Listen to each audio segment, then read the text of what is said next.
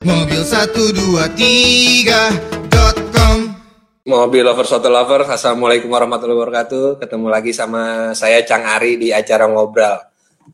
Seperti yang udah kita bilangin apa? Kita woro-woro sebelumnya di banner yang udah kita sebar di medsos bahwasannya sore ini saya kedatangan tamu Cihuy ini. Ini tamu Cihuy ini. Tamunya Pak Harold Donnell. Dia ini Head of Four Wheel Brand Development and Marketing Research dari PT Suzuki Indomobil Sales SIS. Selamat sore Pak Harold. Cang Ari, selamat sore Cang Ari, selamat sore mobil lovers atau lovers. Asik. Ini nggak kerasa loh, besok udah puasa ya. Iya, iya. Sekalian aja kita ucapin selamat puasa buat semuanya. Semoga Benar, benar, benar. Selamat berpuasa. di tengah Amin. pandemi corona. Mudah-mudahan Betul. puasa ntar pandeminya segera berakhir dan kita normal Amin. kembali. Amin, amin. Amin. Nah, ini Dilancarkan semua puasanya. Amin. Amin. Cie. Jadi gimana nih Suzuki nih? Kita pengen tahu juga nih kondisi Suzuki yang sekarang nih. Hmm. Tapi sih sebelumnya yang paling menarik dan banyak yang kalau selama ini kita lihat di traffic eh, mobil 123 itu pada ngomongin Ignis baru. Nah, ini pengen nebelin aja. Apa sih perubahan yang utama dan bikin Ignis makin seksi nih? Masih gue sih tampilannya seneng grillnya nih sekarang lebih, cihuy. Coba, ayo. Iya, iya, lebih cihuy. Jadi basic idenya sih memang Ignis baru yang di awal bulan kemarin kita coba eh, launching secara virtual itu kan Hmm. memang bawa banyak perubahan terutama dari sisi eksterior.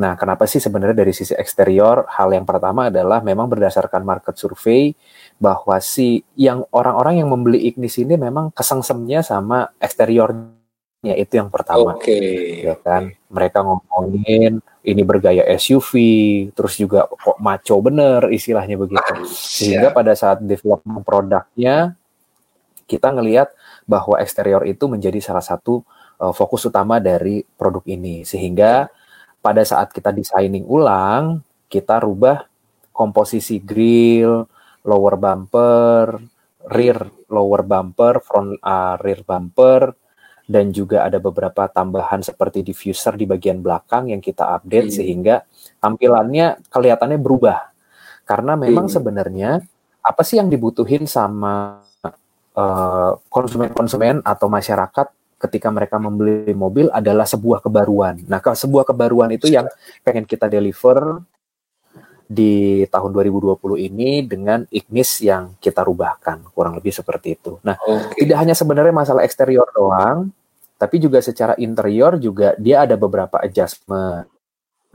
Dari mulai seat cushionnya itu ada yang berubah, jadi pattern seatnya itu berubah jadi lebih eh, trendy, istilahnya seperti itu, dan kombinasi warna di interiornya yang kita rubahkan. Jadi kombinasi warna silver dan eh, sejalan dengan warna mobil itu yang ngebikin eh, salah satu ngebikin si Ignis ini jadi makin ciamik lah. Tidak hanya di luar dari dilihat dari luar tapi juga dirasain dari Dari dalam. dari dalam. Dilihat dari luar. Yoi, itu Tapi ini- juga tuh bahasanya. Asik, asik, asik. Tapi yang paling kalau gue highlight sih itu kita coba lihat sama kompetitornya di Car emang yang paling berani nih desainnya si Ignis. Jadi mau apa namanya Hmm. emang ada si adventure-nya yang digali biasanya kan si, si apa City Car ngambilnya ya aman aja lah main mobil kota kebanyakan cewek Iya, iya, gitu kan. iya, iya. Ya gitulah. Cuman ini Ignis bikin terobosan untuk apa ya? Bikin apa? ya, Apa sih bilangnya apa? Crossover apa? Urban The crossover. new breed of urban SUV. Urban SUV. Wah, urban SUV gue. Ada SUV SUV. Ada city car. Nah ini harapannya apa? Benar. Memperlebar pasar target marketnya atau gimana Pak Harold? Jadi poin idenya seperti ini pada saat Ignis itu diluncurin di Indonesia tahun 2017 ya waktu itu kita ngelihat bahwa Ignis ini sebenarnya oke kalau seandainya berdasarkan data Taikindo kita masuk ke komponen city car istilahnya seperti itu. Iya. Tapi dalam internal kami kita ngelihat bahwa ini nggak murni city car karena ada beberapa uh, sudut pandang yang membuat ini seperti SUV yang kecil yang kita sebut menjadi urban SUV bahasanya. Ada ground clearance yang lebih tinggi, juga modelnya yang lebih apa namanya lebih mengotak, lebih lebih apa namanya lebih lebih maco lah ya istilahnya seperti itu. Okay. Plus uh, beberapa mobil 123.com uh, interior dan eksterior feeling yang mengedepankan sisi perkotaan dari kendaraan ini. That's why okay. akhirnya kita ngomongin bahwa si Ignis ini memang the new breed of urban SUV. Dan pada saat peluncuran yang kedua ini di minor change kita tetap mempertahankan the new breed of urban SUV sebagai tagline dari kendaraan ini karena memang kita satisfied dan kita pede sekali bahwa ini tidak hanya di segmen city car tapi juga bisa masuk ke urban SUV kurang lebih seperti itu. Cakep, ya, ya itu itu keunggulan ya. Jadi jadi satu trademark ya. Keunggulan. Mantap.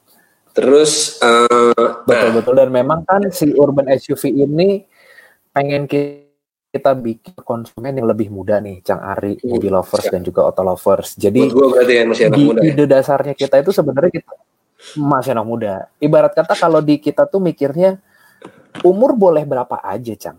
Ya hmm. kan? Tapi sepanjang dia pakai celana Tapi kalau misalnya dia pakai celana pensil, rambutnya rapi, pakai pomade, apa segala macam, kelihatannya jadi muda. Istilahnya kan betul, kayak gitu kan. Dia nggak peduli nih umurnya jadi berapa. Begitu juga Ignis. Inspirasi dasarnya adalah boleh berapapun usianya yang beli, tapi ketika lu bawa uh, mobil Ignis kok kerasanya kayaknya muda bener ya feelingnya. Dilihat tuh dari dari sebelah kaca tuh, wih masih anak muda nih ceritanya begitu. Berarti dasarnya kurang lebih kayak gitu. Target marketnya yang kayak kayak gue nih berarti nih. Oh cocok, cocok banget. Oke, nah ini aku aja pertanyaan lagi nih. Ini kan uh, ini kan masih datang dari India kan? Betul, betul. Assembling nah, itu kan sekarang India sana lockdown. Ini uh, stok gimana? Stok? Komposisi stok masih aman sampai dengan sekarang. Asik. Karena Siap. memang kan kalau segi bisnis terutama di bisnis otomotif itu kita nggak uh, berarti misalnya ada sesuatu di saat ini habis itu langsung efek sekarang istilahnya kayak gitu. Hmm. Karena karena ini bisnisnya juga sudah bisnis internasional, maka kita sudah yeah. memiliki buffer lah ya bahasa mudahnya gitu, ya, buffer yeah. Yeah. Terus juga yeah. kita sudah koordinasi dengan pabrik yang ada di India bahwa status produksi dan juga status stok untuk produk di Indonesia ini aman. Jadi nggak usah worry, nggak usah khawatir kalau seandainya ada mobil lovers atau auto lovers yang memang kesengsem, tinggal klik antara klik www.suzuki.co.id atau klik www.mobil123.com. Asik. Buat hunting mobil ini ya kan. Benar benar benar benar. Cocok cocok cocok. Tinggal dipilih aja, tinggal dipilih aja. Sama kok itu ujung-ujungnya belinya juga ke Suzuki.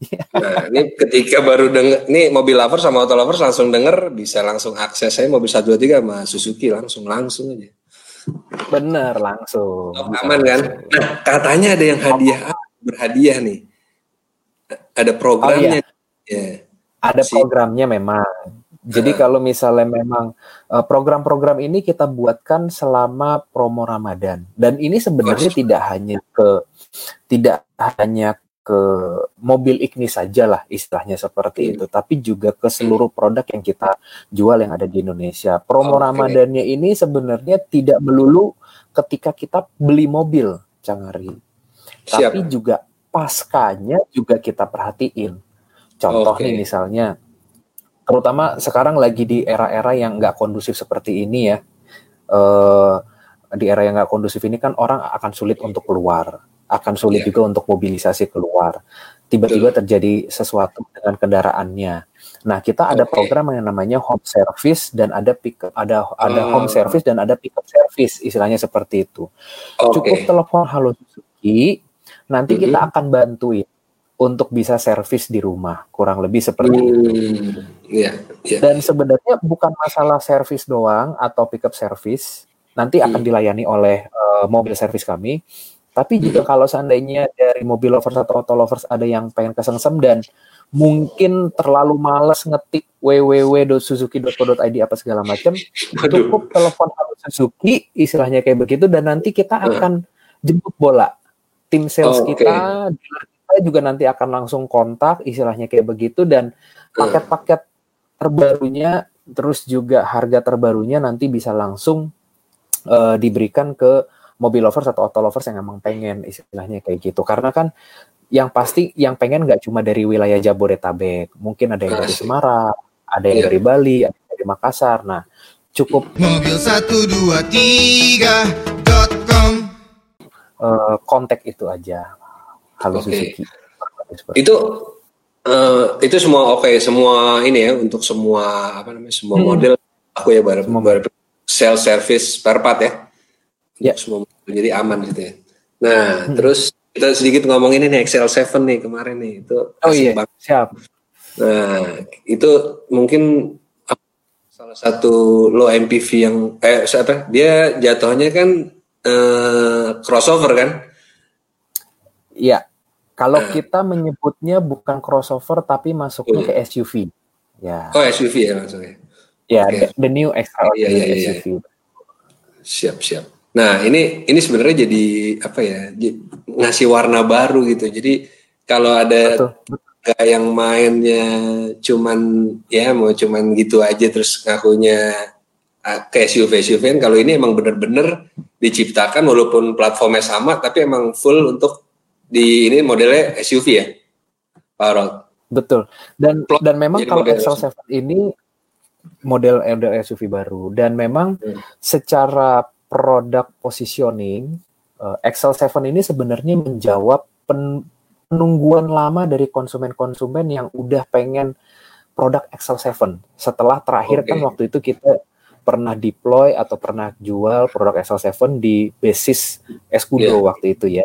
Ya, 2004-an nah, tuh ya, sekitar itu ya. 2004-an sampai 2006 yeah. atau 2008. Hmm. Nah, setelah era itu kan konsumen-konsumen Suzuki itu biasanya selalu bertanya, kalau seandainya udah punya R3 atau misalnya udah punya APV, terus kesengsem nih nama merek Suzuki tapi nggak bisa upgrade lagi karena kalau misalnya upgrade mesti ke Grand Vitara atau misalnya kalau upgrade mesti ke produk SX4 dengan produk yang yeah. lain istilahnya kayak gitu. Nah, XL7 ini sebenarnya sebagai jawaban buat mereka semua. Kalau seandainya aduh kita udah punya seven seater MPV misalnya R3 atau APV pengen naik kelas istilahnya seperti itu. Nah, ketika yeah, naik yeah, kelas, yeah. Suzuki sudah bisa memberikan si XL7 ini sebagai salah satu yang mereka bisa pilih atau mereka bisa cari di industri otomotif yang ada di Indonesia. Dan kebetulan juga sedikit cerita kemarin itu kita baru dapat penghargaan terbaru nih si Excel 7. Wih, mantap mantap. Iya. Kita dapat penghargaan terbaru jadi Car of the Year 2020 dari salah satu tablet otomotif yang ada di Indonesia. Wih, selamat selamat. Gila Siap, nih. Thank you. Emang kalau gue jujur aja sih ya termasuk uh, contender nih di kelas antara uh, sama lo MPV. Kalau menurut gue, gue tetap menggabung dua kelas itu. Jadi ya hampir sama lah ya untuk bermain yeah. di rendah dari segi desain harga apa itu ya hmm. mirip-mirip yeah. makanya gue bilang jadi kontender baru nih jadi kita Kontender, boleh betul. iya iya jadi kita boleh jadi punya wah nih kalau ngeliat yang ini terlalu MPV yang kalau ini terlalu SUV apa mau lebih yeah. SUV jadi ada pilihan baru mantap mantap mantap betul dan memang sepanjang feedback dari customer pun uh, beberapa apa beberapa uh, feedback customer yang sudah mencobai uh, kendaraan ini, yang sudah test drive dan juga sudah beli, overall semuanya satisfied dengan kendaraan ini. Terutama okay. beberapa hal yang mereka sangat uh, kagumi. Yang pertama adalah ground clearance, Terus yang kedua itu adalah e-mirror. Nah ini mungkin oh, sebuah iya. ubahan yang sederhana, ya kan, ubahan yang sederhana sebenarnya, tapi rupanya sangat impactful ke konsumen-konsumen Suzuki yang ada di luar sana seperti itu. Nah, Jadi once again kita juga terima kasih, kena banget. Kita terima kasih juga sama mobil lovers atau auto lovers yang mungkin sudah uh, beli XL7, kita sangat berterima kasih buat kepercayaannya seperti itu. Oke, okay, mobil lovers auto lovers, jangan lupa juga uh, boleh apa ngajuin pertanyaan langsung ke kita. Oh, Nanti iya. pertanyaan terbaik itu ada hadiahnya. Itu langsung, cakep, ya. langsung masuk ke ini aja. Soalnya kan pada teriak tentang door prize-nya mana. Oh iya. Door bareng itu di Facebook. Ada door prize nggak? Ya ada nih. ada Kalau nanya terus nanya pertanyaan apa per, apa pertanyaannya dinilai baik, terbagus, terdapat hadiah. Ntar ada yang ngubungin semuanya. Jangan kita berdua yang ngubungin. Ya. Iya iya. Terus uh, apalagi ya kita sekarang ngomongin ini deh. Uh, tadi deh ya, after sales itu udah di masa pandemi nih. Ini okay, gimana? Iya. Ya tadi ya masalah. Uh, jadi walaupun mobil satu dua tiga dealer dealer tutup ya selama psbb ya, Pak Selama psbb ya. Jadi cuman layanan ada ya.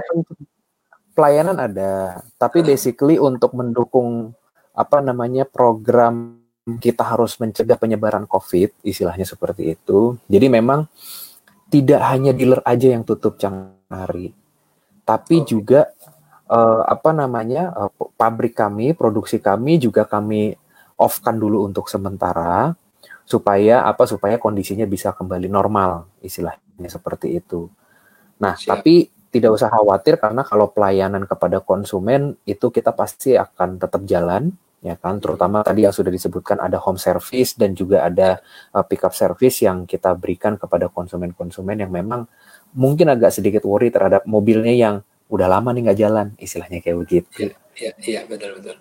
Ini sekalian juga dilurusin. Jadi setelah untuk menyambut Lebaran saat, saat ini kan kita tidak boleh mudik nih, sajuran Pak Jokowi. Nah iya. berarti ya. Suzuki kan dulu biasanya setiap Lebaran tuh ada program mudik, ada program apa bengkel posko, siaga posko, ya posko mudik siaga posko mudik ya gitu nah untuk saat ini jadi gimana programnya Pak Harold yang ya. punya nih ya jadi kalau di kami memang kita harus menyesuaikan strategi bisnis kita terhadap apa yang dianjurkan oleh pemerintah atau apa yang sudah pemerintah berikan uh, apa yang sudah pemerintah uh, instruksikan kepada rakyatnya istilahnya seperti itu dan kita adjust uh, posko mudik dan segala macamnya itu menjadi bengkel siaga di mana bengkel siaga ini akan fokus di seluruh wilayah. Jadi tidak hanya di wilayah mudik saja istilahnya kayak gitu tapi juga di Jabodetabek, di apa namanya uh, di Semarang, di Surabaya apa segala macam. Jadi semuanya akan beroperasi secara secara normal, cuma gayanya tetap home service dan pickup service istilahnya seperti itu. Jadi sebenarnya nggak usah worry kalau memang seandainya ada something uh, langsung hubungin saja si Halo Suzuki istilahnya seperti hmm. itu. Jadi gitu ya, hmm, masih tetap pokoknya ngasih pelayanan walaupun uh, kondisinya. Uh, nah itu itu juga apa tentunya petugasnya juga udah dibekali dengan apa namanya pembekalan untuk apa tetap jaga jarak, tetap pakai masker, pasti, pasti. gitu kan ya. Oh, pasti okay. jangan pasti.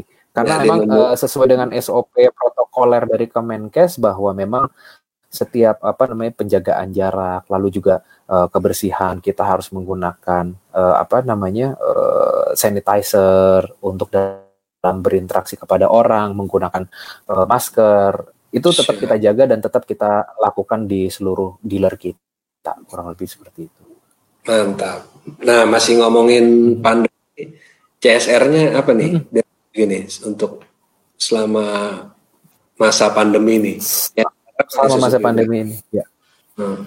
Ya, yang pertama adalah yang paling basic CSR yang kami lakukan adalah kami off-kan dulu adalah uh, pabrik dan juga dealership yang ada di wilayah oh, uh, apa namanya PSBB. Itu. CSR yang paling basic yang langsung yeah. kita respon uh, mengingat COVID ini. Lalu yang kedua uh, CSR yang kita lakukan adalah melalui SCRC atau Suzuki Club Reaksi Cepat. Jadi uh, mungkin bagi mobil lovers atau auto lovers yang mungkin uh, belum update istilahnya seperti itu bahwa setiap klub authorized Suzuki ini memiliki jiwa sosial yang cukup baik. Sehingga mereka secara guyup membuat sebuah komunitas sendiri yang bertujuan hmm. sosial yang kita sebut dengan Suzuki Club Reaksi Cepat. Di mana memang Suzuki Club Reaksi Cepat ini kita sahihkan atau kita sahkan itu per bulan September tahun 2019 kemarin. Dan setelah itu SCRC menjadi salah satu saluran kita dalam melakukan kegiatan CSR atau melakukan kegiatan sosial di masyarakat di Indonesia. Nah, terkait dengan isu uh, COVID ini memang sudah banyak juga yang dilakukan oleh SCRC. Seperti yang pertama adalah membantu untuk uh, penyemprotan disinfektan di beberapa wilayah di Indonesia atau di Jakarta seperti di Pasar Minggu, lalu juga di daerah Pramuka, di daerah Matraman dan sebagainya. Lalu yang kedua juga bekerja sama dengan BNPB untuk mendistribusikan sembako-sembako kepada oh, uh, wilayah-wilayah uh, yang memang membutuhkan itu dikarenakan keterbatasan akses keluar, istilahnya seperti mobil 123.com ya. Dan koordinasi-koordinasi dengan Suzuki juga dalam pemberian uh, masker kepada wilayah-wilayah hmm. terutama yang ada di range uh, apa namanya di range uh, Suzuki istilahnya seperti itu misalnya di daerah Bekasi, di daerah Cikarang dan sebagainya istilahnya seperti itu. Jadi ya. CSR-nya kita lebih kepada seperti itu, Cang Ari. Oke, nah ini Siman ini pertanyaan ini aja. Uh, di dunia kan pabrik pada bikin APD, apa bikin hmm. masker, bikin Google apa namanya yang dengan kayak Google kayak, Mask, betul. Nah, terus uh, ada yang bikin sampai ventilator. Nah, Suzuki eh, Masis ini apa SIM SM ya? Eh, SIS dan SIM. Suzuki nomor mobil dan, ya. ya, SIS dan SIM ada ada nggak uh, rencana untuk apa bikin alat itu? Ya, uh, secara rencananya sudah ada walaupun uh, memang apa namanya informasinya baru masker yang visible untuk bisa diproduksi. Okay. Nah, ya. cuma nanti uh, penyebaran apa segala bukan penyebaran bahasanya, tapi lebih kepada bagaimana mendistribusikannya, ya, ya, ya, ya. apa segala macamnya itu nanti akan akan kita deploy lagi di lain waktu kurang lebih begitu Cang Ari. Oke siap. Nah ini kayaknya kita masuk ke pertanyaan aja ya. Nah ini pertanyaan pertama siap datang dari Mas Okto. Pertanyaan saya New X sekarang kan mengklaim mini urban SUV beda dari sebelumnya yang lebih menekankan mini city car hatchback.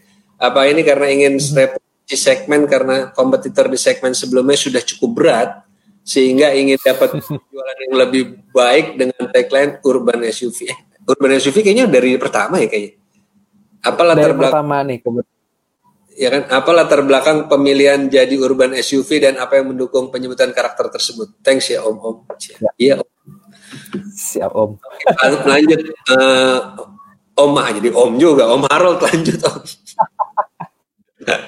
Siap Om Okto, thank you buat pertanyaannya. Jadi basic idea-nya memang the new breed of urban SUV ini atau urban SUV ini memang sedari awal atau dari tahun 2017 uh, eh, sudah kita deploy di uh, secara tagline dari kendaraan Ignis. Nah, apa aja sih hal-halnya uh, yang ngebikin kenapa ini jadi urban SUV. Yang pertama adalah dari ground clearance kami lebih tinggi, lalu yang kedua dari a design kita lebih uh, lebih kotak atau lebih lebih maco lah istilahnya kayak gitu, lebih garang.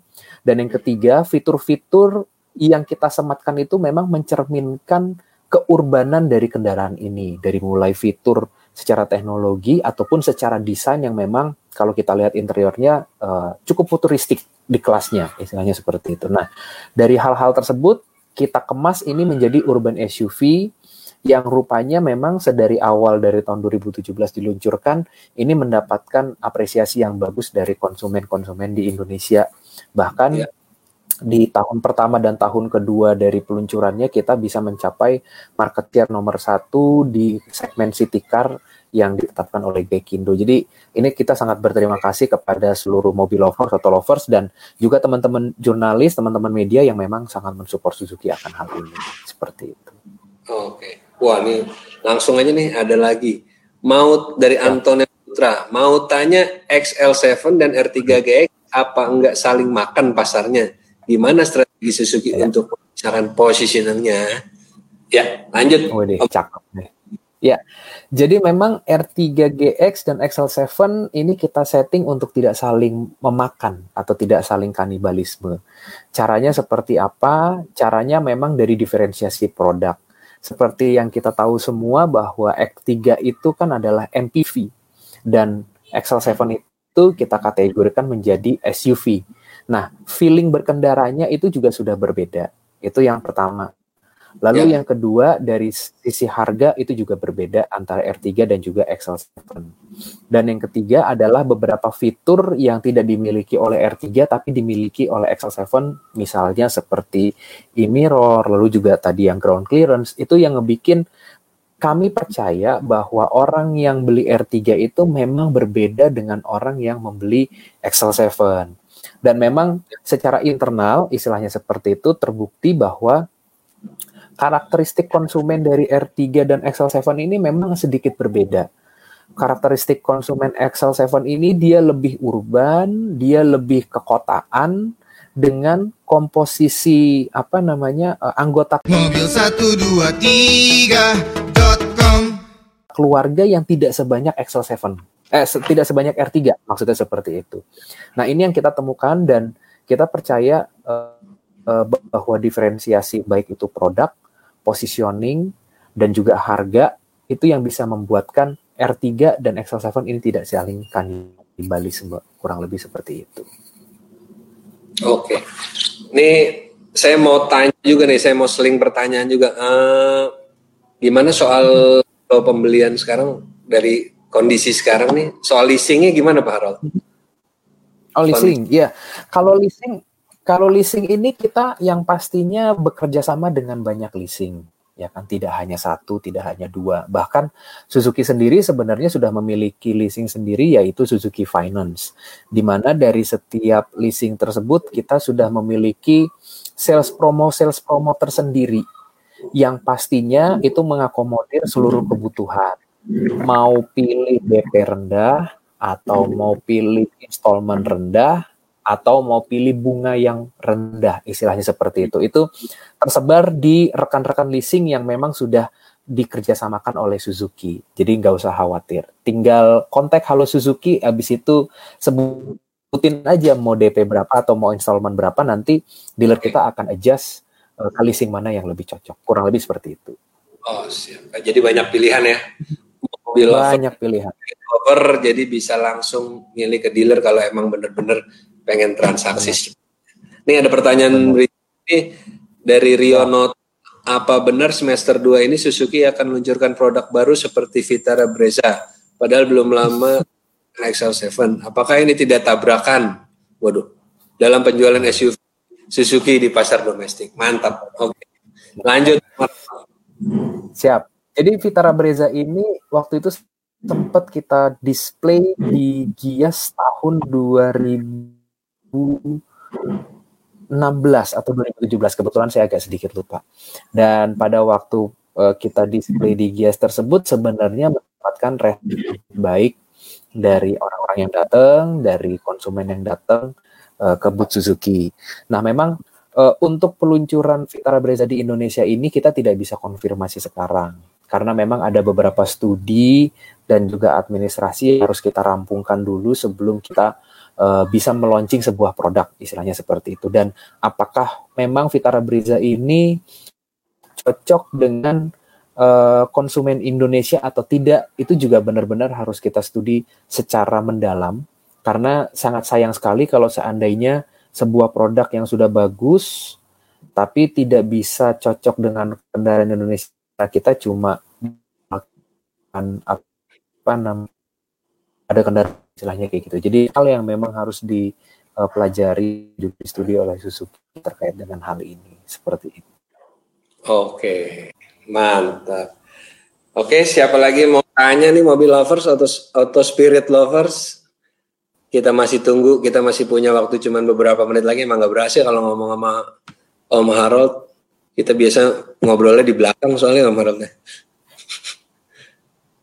Ini Sambil ngopi, Cang. Iya, iya, sambil ngopi sebats dua bats. Tata sejam. Jam. Eh, jadi sekarang WFH nih. WFH. WFH. Jadi memang i- mendukung pembeli eh, kita sis Mantap. itu. Iya udah kangen juga soalnya nih. Pengen kopdar. Oh, Iya nih, kita udah lama nih nggak order.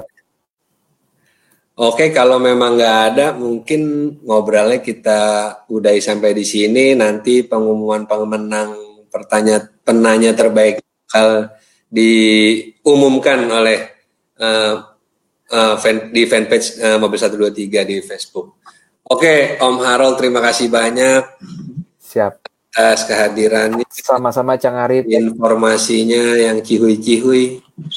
Semoga Siap, kita Cang Arif sehat-sehat terus nih sampai pandemi ini berakhir. Dan sekali lagi kita ucapkan ya. Amin. Amin. Selamat apa menunaikan ibadah ya. puasa. Insya Allah lancar. Ibadah puasa kepada mobil lovers. Amin. Amin. Semoga semoga okay. lancar. Ya. Oke, sampai Siap. di sini. Hari. Selamat sore. Selamat sore, Cangari. Mobil 123.com